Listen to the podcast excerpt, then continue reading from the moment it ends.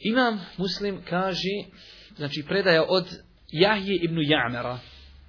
Kaže taj Jahja ibn Jamer, prvi koji je govorio o kaderu, znači imate u islamu postojala jedna sekta, postoji danas, koja se zove El Kaderije, kaderije od kader, koji su negirali kader.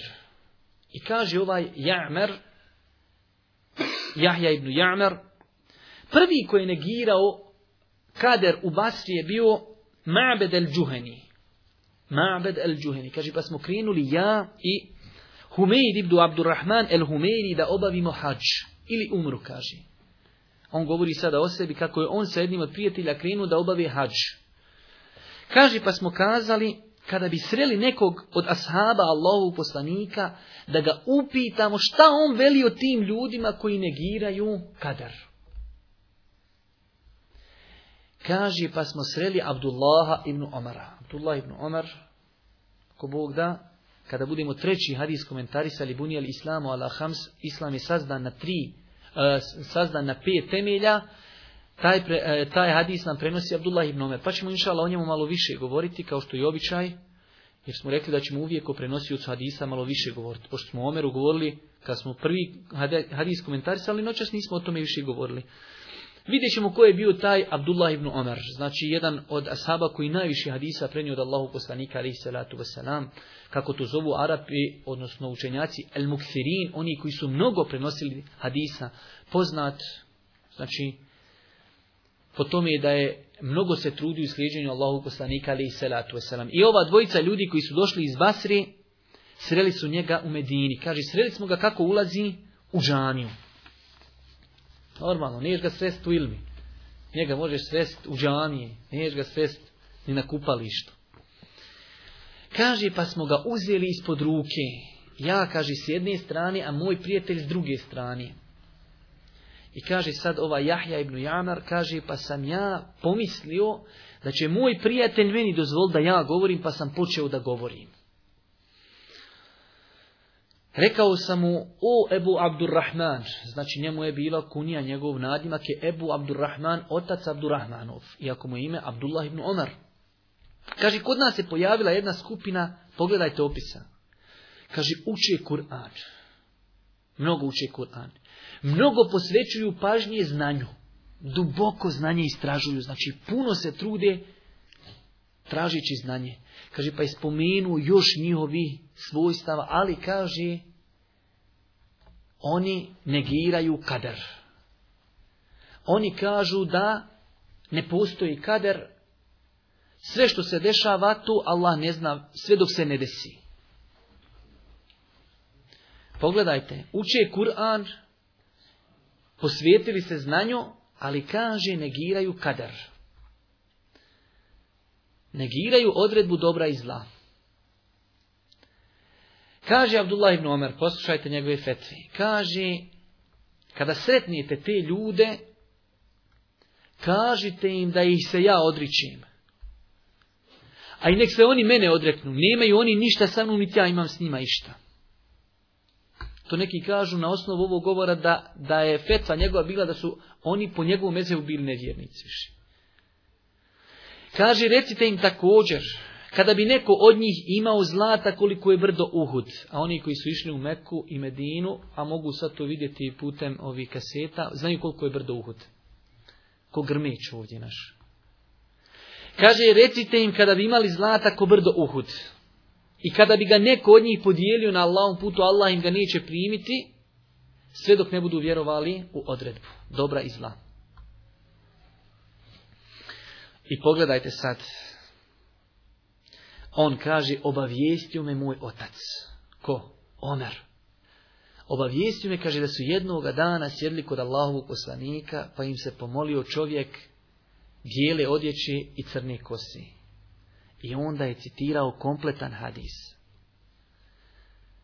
Citirao je kompletan hadis dok nije došao, znači, odnosno zbog samo onog dijela gdje kada je upitan Allahu poslanik od strani Džibrila, a šta je to iman? Pa kaže da vjeruješ u Allaha, poslanike, knjige, meleke, sudnji dan i da vjeruješ u odredbu dobra i zla. On je čitav ovaj hadis Džibrila od početka do kraja citirao zbog ove rečenice. E sada možemo, ako Bog da, početi komentarisati ovaj hadis. Ovo je, znači, potpuna predaja koju citirao imam muslim u svome sahihu. Imam Nevevi je, znači, izbrisao ovu priču i samo je rekao, rekao je Omer. A ovo rekao je Omer, znači, to su riječi njegovog sina Abdullaha ibn Omera gdje kaže, rekao je moj babo. A znači, povod svemu tome je ova priča. Ovaj, braću, moja draga, hadis i ovaj događaj nosi u sebi mnoge pouke i poruke. Mi ćemo ako Bog da večeras početi pa vidit ćemo gdje ćemo završiti. Prva korist koju možemo uzeti iz ovog događaja, velika korist jeste, pogledajte tu generaciju tabi'ina, druga generacija, znači o kojoj su došli vjerodostojni hadisi. Da Allah poslanik rekao najbolja generacija je moja generacija, znači ashabi nakon oni koji njih, oni koji dolazi nakon njih, nakon oni koji dolazi nakon njih. Znači, to su generacije o čim vrijednostima su izrečeni hadisi. Ali opet su vraćali ilm i znanje komi? Ashabima. Šta on kaže? Idemo na hađ ili umru, a da nam je da sretnimo nekog od ashaba Allahog poslanika, da vidimo šta će on kazati po pitanju ove sekte koja se pojavila. Tako, vraćam, moja draga, i današnje vrijeme. Muslimani ne mogu napredovat. niti mogu očekivati prosperitet sve dok ne budu pitanja vjere vraćali učenim ljudima. Jer ako su prve generacije, odnosno i druge generacije, vraćale pitanja vjere učenima, onda smo mi mnogo preći. Žalosno je, mi živimo u vremenu, htjeli mi to priznati ili ne, ali je tako da danas jedino o vjeri može pričati svako. Ni u jednoj drugoj znanosti ne može pričati svako osim o vjeri. Sada evo kada bi neko od nas pošao pričati o medicini, bi mu se svi nasmijali. Ali da počne pričati o vjeri, mi bi rekli, pusti čovjeka nek priča. Znači, i onaj ko nije kompetentan ima jednako pravo da priča kao i onaj ko je kompetentan. A nas naša vjera uči, braćo moja draga, da uvijek pitamo ljude koji su kompetentni, čija je to struka. Bez obzira da li se radilo o vjeri ili drugim svjetovnim stvarima. Kada je u pitanju vjera, na to nas postiču mnogi argumenti. Jedan od njih je riječ uzvišenog Allaha وَمَا أَرْسَلْنَا مِنْ قَبْلِكَ إِلَّا رِجَالٍ نُوهِ إِلَيْهِمْ فَسْأَلُوا أَهْلَ ذِكْرِ إِنْ كُنْتُمْ لَا تَعْلَمُونَ Kaže uzvišeni Allaha mi smo i prije tebe samo ljude kao poslanike slali i objavljivali im pitajte sljedbenike knjige, pitajte učeni ako ne znate. Znači Allah, Allah Đelešanu objavljuje poslanik, kaže mi smo i prije tebe slali ljude kao poslanici, nisu bili meleki prije poslanici. I prije su ljudi bili poslanici. I kaže i njima je objavljivano pitajte učeni ako ne znate. Pitajte učeni ako ne znate. Također nas naša vjera uči, ne uči nas naša vjera da onaj koji je stručan u šerijetu da mora znati auta. I čovjek odi na pijac, hoće kupiti auto i nazove daju i kaže šta veliš ću kupiti. Greška. Imaš ti šta pita daju. On će te, vjeruj ako ti on bude govorio kako kupiti auto, a evo vi imate vi ovdje iskustvo s vašim dajom za, za četiri godine promijenuo pet auta. Da je znao bi izabro, kamo drugima da izaberi. Znači nije to njegova struka i nemoj njega pitati. Nas vjera uči da vje, pitanja vjerije pitamo učeni u vjeri, a pitanja svjetovnog karaktera da pitamo ljude čija je to struka. I to nas je naučio, to mi je poslanik Ali salatu Veselam.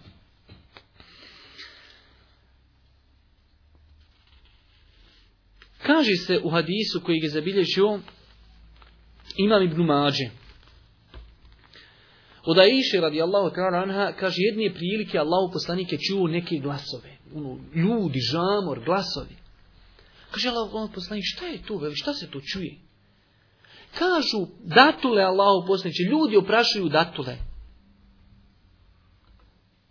Kaže Allahu poslanik, misliš da je to tako? Kaže, kad ih ne bi ni oprašivali, one će ako Bog da roditi. A ljudi, kasabi, kasabi. Šta rekne poslanik, završena stvar, odmah ostalo nisu više htjelo prošivat palme. Kaže, na kraju godine nema palme, loše, skruj, nekvalitetne, slabo oprašene, sve to su honjao, što je rekao narod šugave. Ništa. Kaže, Allah poslanik, ti se da mi ne oprašujemo, pogledaj sad, loško, nema ništa. Kaže Allah poslanik, alaih salatu wasalam, ako su u pitanju ovo svjetska pitanja, Dunjaluk, baš rekao Dunjaluk. Kaže, vi to znate bolje od mene. A u drugom rivajet kaže, činite kako hoćete. Kad su u pitanju dunjalučke stvari, činite, kaže, kako hoćete, a u rivajetu vi znate bolje od mene. Ali, kaže, kada su u pitanju din, vjera, kaže, je. onda mene pitajte i mene slušajte. Znači to je recept Allahu poslanika ali salatu wasalam koji mi nažalost ne znamo. Meni se desilo s čovjekom ja sjedim, hoće da uči Kur'an. I ja mu dao svoju ocjenu koliko on uči dobro, ja kažem reko, loše je to. A kaže meni su drugi rekli da dobro učim. A ko ti je rekao, rekao, kaže, rekao mi jedan čovjek školovan. Šta je rekao, jedna struka kaže, ne znam, fizika ili hemija. Ali kaže školovanje. Pa rekao, dragi moj brate muslimanu, ne može tako. A on tebi može tamo ako voda kad budeš pruvete, ganju i H2SO4 ili oni ostale kiseline, tu on može pričati, ali ne može ti davati ocjenu, znaš li Kur'an. I to je problem što smo mi pobrkali pojmove koga šta pitat. Zato kažemo izuzetno opasno i svi vi znate onaj hadis je da čovjek govori o vjeri a nije kompetentan da govori o tom. I znate svi da je Allah poslanik fetvu izda tu bez šerijatskog znanja nazvao ubijstvom. Svima vama je poznat hadis kod imama Ebu Davuda da su sahabi bili u pohodu, da su bili na putovanju, pa jedan od njih imao ranu na glavi. Pa je bio džunup, trebao da se kupa, pa je pitao ljudi mogu li uzeti Ima Imali olakšici? Kažu, Boga mi, mi vode imamo. Kako ćeš uzeti temu kad vode ima? Ne znajući da se temu uzme u dvije situacije. Kad imaš vode i kad imaš vode, ali se bojiš da će ti voda naštetiti. Oni kažu, mi ne smijemo ti dopustiti da ti uzmu u smislu, mi ti ne dajemo fetvu da ti uzmeš temu. Pa je se okupao, pa preselio od toga. Pa kad su poslaniku kazali šta su radili, kaže Allahu poslanik doveći na njih, kateluhu, mullah, ubili su ga, ubio ih Allah. Zašto nisu pitali kad nisu znali, jer kaže lijek ne je pitanje. Kako teške riječi, danas i meni Allah mi teško izgovoriti koliko su to teške riječi, ali sve kako bi se shvatilo koliko u mjestu u islamu ima znanje i šta znači pričati o ako nisi kompetentan. Kateluhu, mullah, ubili su ga, ubio ih Allah. I ovu predaju še Albani Rahmetullah je cijenio je vjerodostojno. Također, znači to je jedna korist ove priče i ovog događaja da o trebaju pričati kompetentni, da pitanje vjeri treba vraćati učenim ljudima. Druga velika korist da oni koji govore o vjeri, ako već govore, onda trebaju da zato donesu validne argumente. Pogledajte Abdullah ibn Omera kao muftija, on je poznat, znači kao muftija, jer znači među ashabima je bilo ljudi koji su bili poznati da su davali fetve. Jedan od njih je Ibn Omer. Nakon što je dao hukum, on je dao propis da takvi ljudi ako udjeli nešto na ovom putu neće biti primljeno sve dok ne budu vjerovali u kadar. Nakon toga šta? Kaže, obavijestio me je moj babo i hadis od početka do kraja dokaz.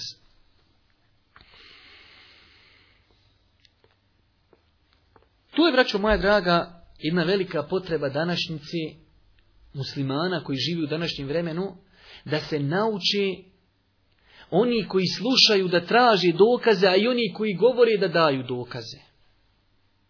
Oni koji govore da daju dokaze. A oni koji slušaju da traže dokaze, ali da traže validne dokaze. Sve kako bi ako Bog da našu vjeru sačuvali i zaštitili od onoga što ljudi misle da je lijepo. Jer najveći je je kad ljudi počnu vjeru tumačiti na osnovu svojih rezonovanja. Pa kaže ja smatram da je to lijepo. A ja smatram da nije. Šta će nam biti sudija? Sudija nam je validan argumentat.